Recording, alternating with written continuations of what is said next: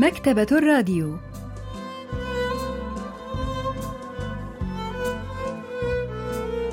أهلا وسهلا بكم في حلقة جديدة من البرنامج الأسبوعي مكتبة الراديو الذي نستعرض من خلاله كتابا جديدا كل أسبوع. واليوم سوف نستعرض قصة النعل المطاطي للكاتب أو يونغ سو. لحظات ونوافيكم بالتفاصيل.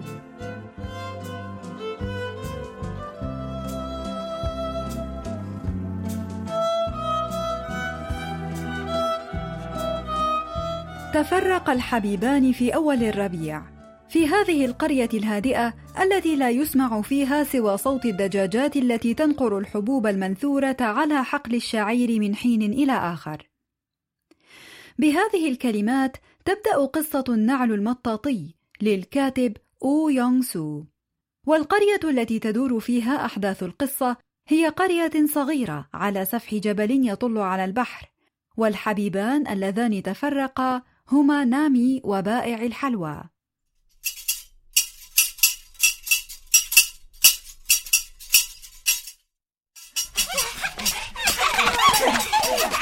قال أحد الصبية: ها هو بائع الحلوى. ورد آخر: هناك، إنه هناك. قال بائع الحلوى: لدي حلوى لكم جميعا. لدي حلوى اليقطين من جزيرة أولندو. إذا أكلت فتاة هذه الحلوى فسوف تجد زوجا، وإذا أكلها صبي سيجد زوجة. كان أغلب الكبار في القرية يعملون من الصباح الباكر حتى وقت متأخر من الليل، ولذلك كان بائع الحلوى هو الشخص الوحيد الذي يستطيع ترفيه الأطفال خلال النهار. لم يكن الأطفال يملكون المال لشراء الحلوى بالطبع، فكانوا يقايضونها بالنعال المطاطية القديمة.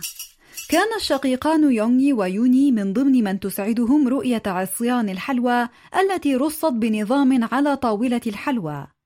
وبطلة القصة نامي كانت تعمل خادمة لحساب والد الشقيقين السيد تشولسو.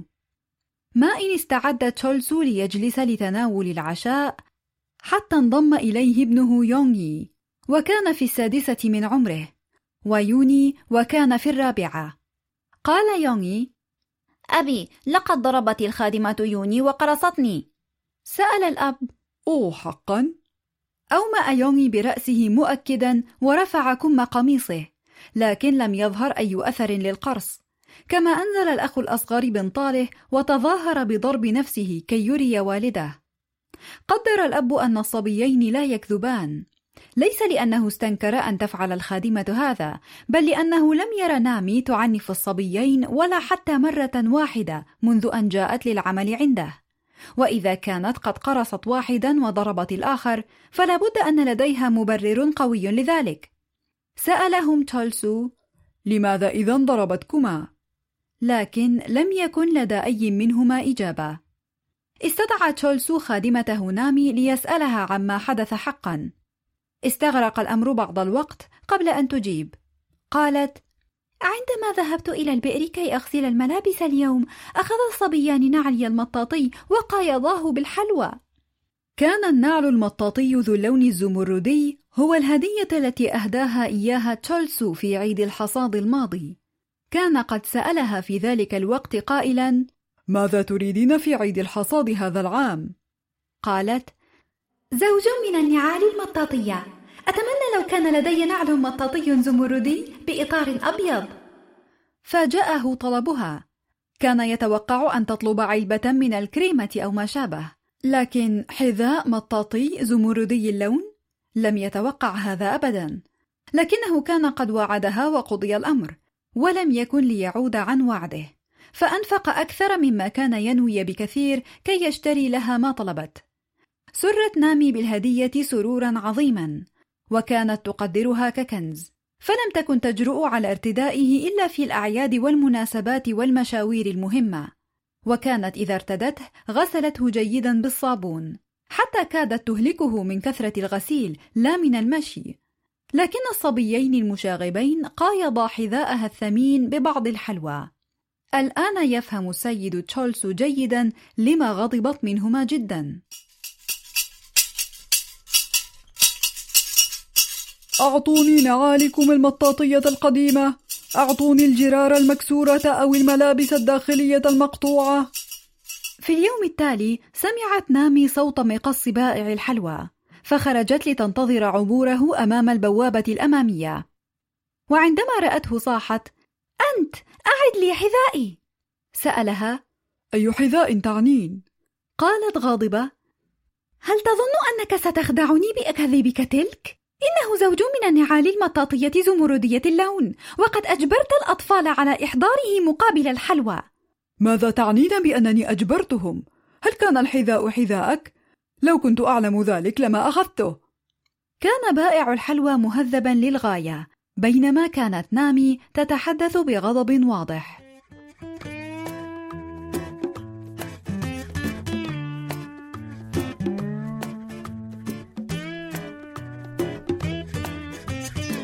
قالت أعده لي الآن. قال انتظري لحظة سوف أعيده لك إذا كان لا يزال عند تاجر الجملة. وإن كان قد بيع بالفعل فسوف أشتري لك واحدا آخر. لا تقلقي. وبينما كان ينظر إلى قدمها ليقدر قياسها ظهرت نحلة فجأة وراحت تحوم حول وجه نامي. عبس وجهها وحاولت أن تبعد النحلة بيد بينما تحمي وجهها بالأخرى. لكن النحلة وقفت على صدرها. صاح البائع. انتظري لحظة. تابع بائع الحلوى النحلة بكل تركيز.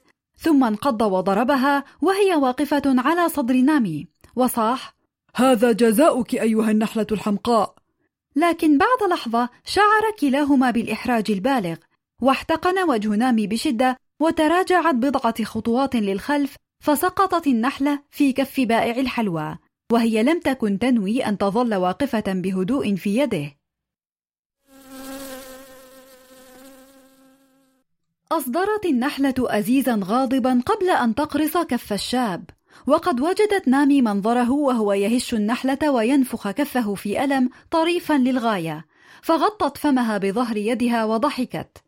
نظر البائع الشاب إليها بوجه نصف متألم ونصف ضاحك. وبينما كان ينظر إليها كان أول ما خطر له هو أن أسنانها جميلة للغاية. وعندما التقت عينا نامي بعينيه شعرت بخجل مفاجئ وكان عليها أن تدير رأسها بعيدا عنه. بدأ النعل المطاطي الذي قايضه الصغيران مقابل الحلوى علاقة رومانسية جديدة بين الشابين. البروفيسور بانغ مينو أستاذ الأدب الكوري بجامعة سيول الوطنية يشرح لنا دور النعال المطاطية في القصة. 그 젊은 엿장수인데 동네에 오가면서 나미의 모습을 이미 다 봤었겠죠. لابد أن بائع الحلوى الشاب كان قد رأى نامي من قبل وهو يبيع الحلوى في القرية لكنه لم يكن يعرف أن النعل المطاطي زمردي اللون هو نعلها ولذلك عندما جلب الصغيران نعلا في حالة ممتازة وكأنه جديد قبله على الفور. ثم اكتشف صاحبة الحذاء بعد لقائه بنامي.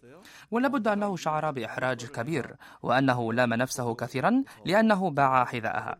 لكنه وجد في تلك الحادثة فرصة لبدء علاقة رومانسية معها. كانت هذه فرصة ذهبية بالنسبة لبائع الحلوى الذي كان معجبا بها سرا. ظل بائع الحلوى الشاب يراقب بيت تشولسو حيث تقطن نامي وهو في طريقه إلى القرية التالية.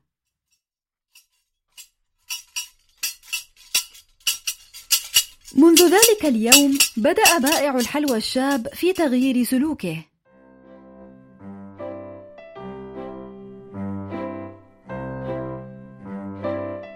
كان الجو جميلا في اليوم التالي. بهتت خطوط الجبل البعيد كعيني امرأة استيقظت لتوها من قيلولة. وراحت شجرة الصفصاف تتمايل وكأن الحرارة تدغدغها. كانت شتلات الشعير خضراء زاهية وكانت براعم الهندباء وافرة وكأنها ألعاب نارية تحيط بالجدار الجنوبي. وصل بائع الحلوى الشاب إلى القرية في وقت أبكر من المعتاد وكان جدوله الجديد يمثل تغييرا كبيرا لأطفال القرية الذين كانوا يعرفون الموعد المحدد لوصول البائع الشاب. والتغيير الثاني كان هو أنه بدأ يلاعب الأطفال حتى أنه كان يسابقهم في الميدان الواقع في مركز القرية ولم يكن ينتقل إلى القرية المجاورة إلا بحلول وقت الغداء. وكان يعود في الوقت الذي تسلق فيه النساء الشعير لإعداد العشاء ولم يكن يعود إلى منزله إلا بعد غروب الشمس. كان يلتزم بروتينه اليومي الجديد والجديد في الأمر هو أنه كان يعطي كل من يونغي ويوني الحلوى مجانا. كان الأطفال الآخرون يشعرون بغيرة رهيبة تجاه الشقيقين.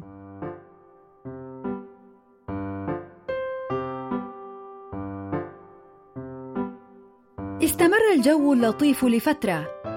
كان مشهد الجونيلات الوردية التي ترتديها الفتيات وهن يحفرن بحثا عن بتلات عشبة النار على التلة الخضراء يبدو جميلا للغاية. وكانت النباتات تحف جدول الماء من الجانبين. كان بائع الحلوى يأتي كثيرا إلى المكان وكان يرفض الذهاب إلى أي مكان آخر. كان أحيانا يبتسم طوال اليوم ويغمره الكرم فيوزع الحلوى على الأطفال. لكن في الأيام التي كان يكفهر وجهه فيها ويجلس صامتا كشخص أصم لم يكن الأطفال يحصلون على أي شيء. مع مرور الوقت تعلم الأطفال أن يراقبوا مزاج بائع الحلوى اولا. كان يضع الكثير من الزيت على شعره الطويل ويمشطه للخلف في تلك الأيام. كما كان يرتدي سترة زمردية اللون مصنوعة من الحرير الصناعي. سألته إحدى النساء: ماذا حل بك؟ هل تزوجت؟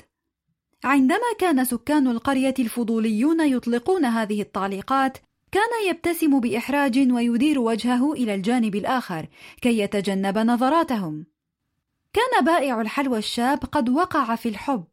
الناقدة الأدبية جون سو يونغ تحدثنا عن ذلك. 나미와 엿장수가 서로에게 마음이 있는데 그 사실이 정확하게 لم يصرح الكاتب بأن علاقة حب قد جمعت بين نامي وبائع الحلوى لكنه يستخدم بعض العلامات الجانبية الأخرى ليستعرض مشاعرهما.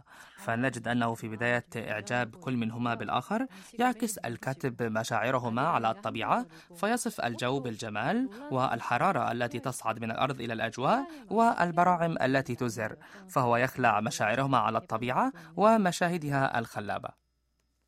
نمت مشاعر كل منهما تجاه الآخر مع مرور الوقت. إلى أن زار والد نامي منزل السيد تشولسو ذات ليلة ماطرة. السبب الذي دفعني إلى المجيء إلى هنا اليوم هو ابنتي نامي. يجب أن أجد لها زوجا قبل أن أموت. كان والدها يريدها أن تتزوج. قال في قريتي يوجد شاب في العشرينات من عمره بظروف مناسبة ولا يعول سوى والدته. لن يكون هناك ما يثقل كاهل نامي في زيجة كهذه. حاولت زوجة تشولسو أن تغير رأيه فقالت إن نامي لا تزال صغيرة لم تتجاوز الثامنة عشرة من العمر وأنها ليست في سن مناسب للزواج. لكن والد نامي كان مصرا على أن يأخذ ابنته ويرحل في اليوم التالي مباشرة.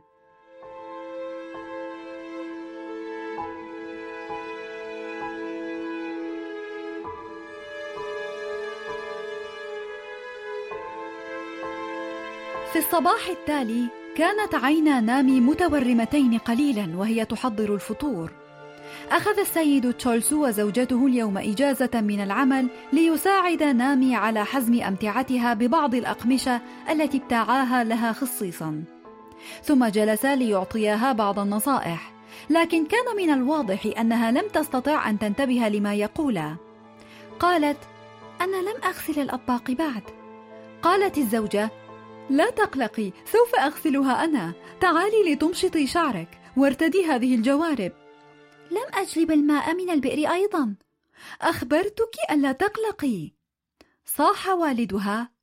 نامي هل أنت مستعدة؟ لنسرع سوف يفوتنا الباص. تمتمت نامي. أتمنى أن يذهب وحده. قال السيد تشولسو. إذا لم يعجبك الوضع هناك يمكنك أن تعودي في أي وقت. أما الآن فيجب أن تطيعي والدك. أعدي الأشياء بسرعة وإلا سيفوتك الباص. أعدت نامي أغراضها أخيرا وارتدت جونيلة وردية ومعطفا أبيض. كانت تبدو جميلة. عانقت الصغيرين بحنان. سألها يونغي إلى أين تذهبين؟ إلى منزلي. قال يوني أنت تكذبين فهذا هو منزلك. شعر الشقيقان أنها راحلة إلى الأبد. فانخرطا في البكاء ودخلا في نوبة غضب عنيفة. في تلك اللحظة ظهر بائع الحلوى.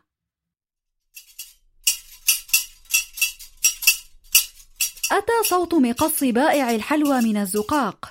حملت نامي الصغير على ظهرها وأمسكت بيد الآخر وأسرعت تخرج من المنزل.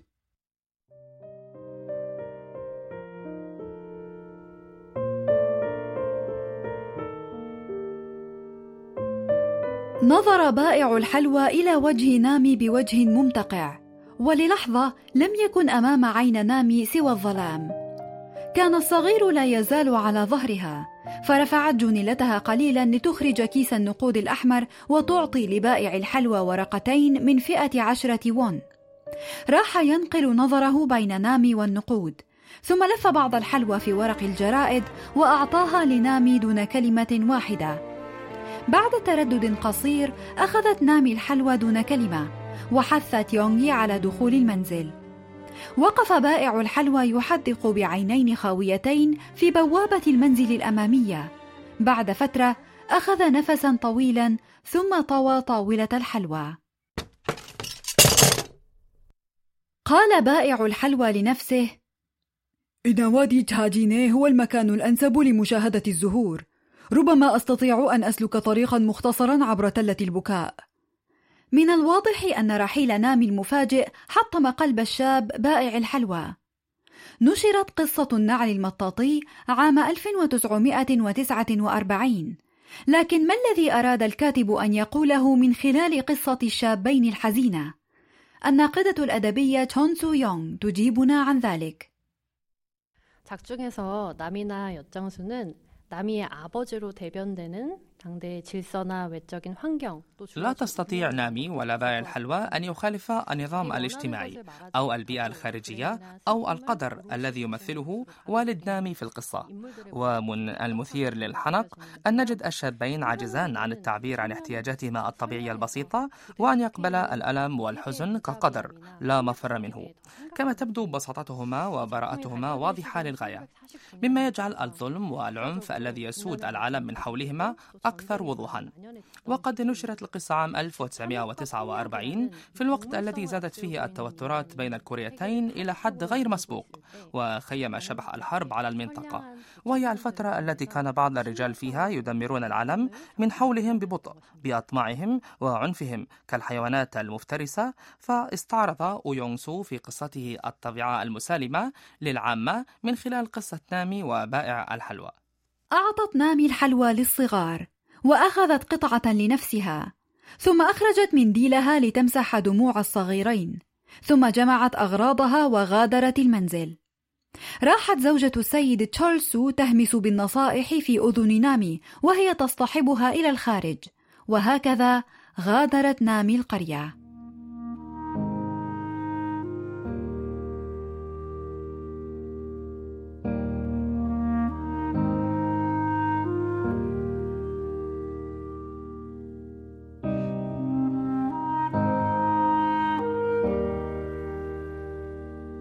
نامي راحلة وقف تشولسو وزوجته يراقبانها وهي تبتعد حتى اختفت وتساءلا عن كيفية ارتدائها لنعلين مطاطيين بلون زمردي. كانا نعلين جديدين. نظر الزوجان إلى بعضهما بعضا دون أن ينبسا ببنت شفة لم يكونا سيتبعاها ليسألاها عن مصدر الحذاء الجديد بكل تأكيد.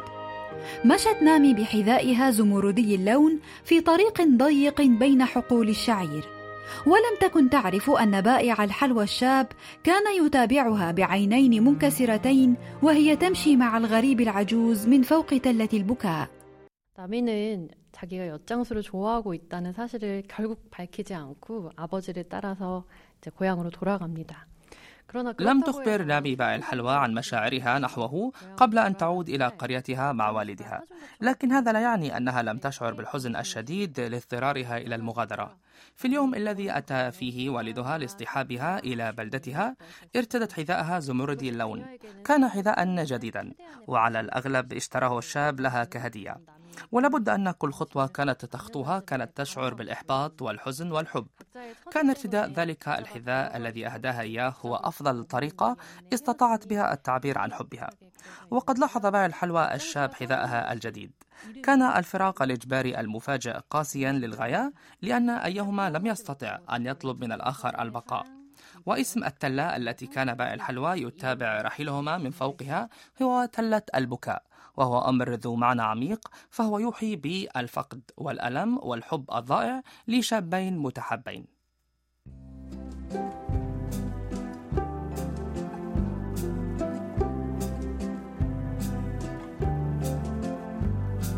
استعرضنا معا قصة النعل المطاطي للكاتب أو يونغ سو. وإلى اللقاء في الأسبوع القادم مع كتاب جديد ومبدع جديد.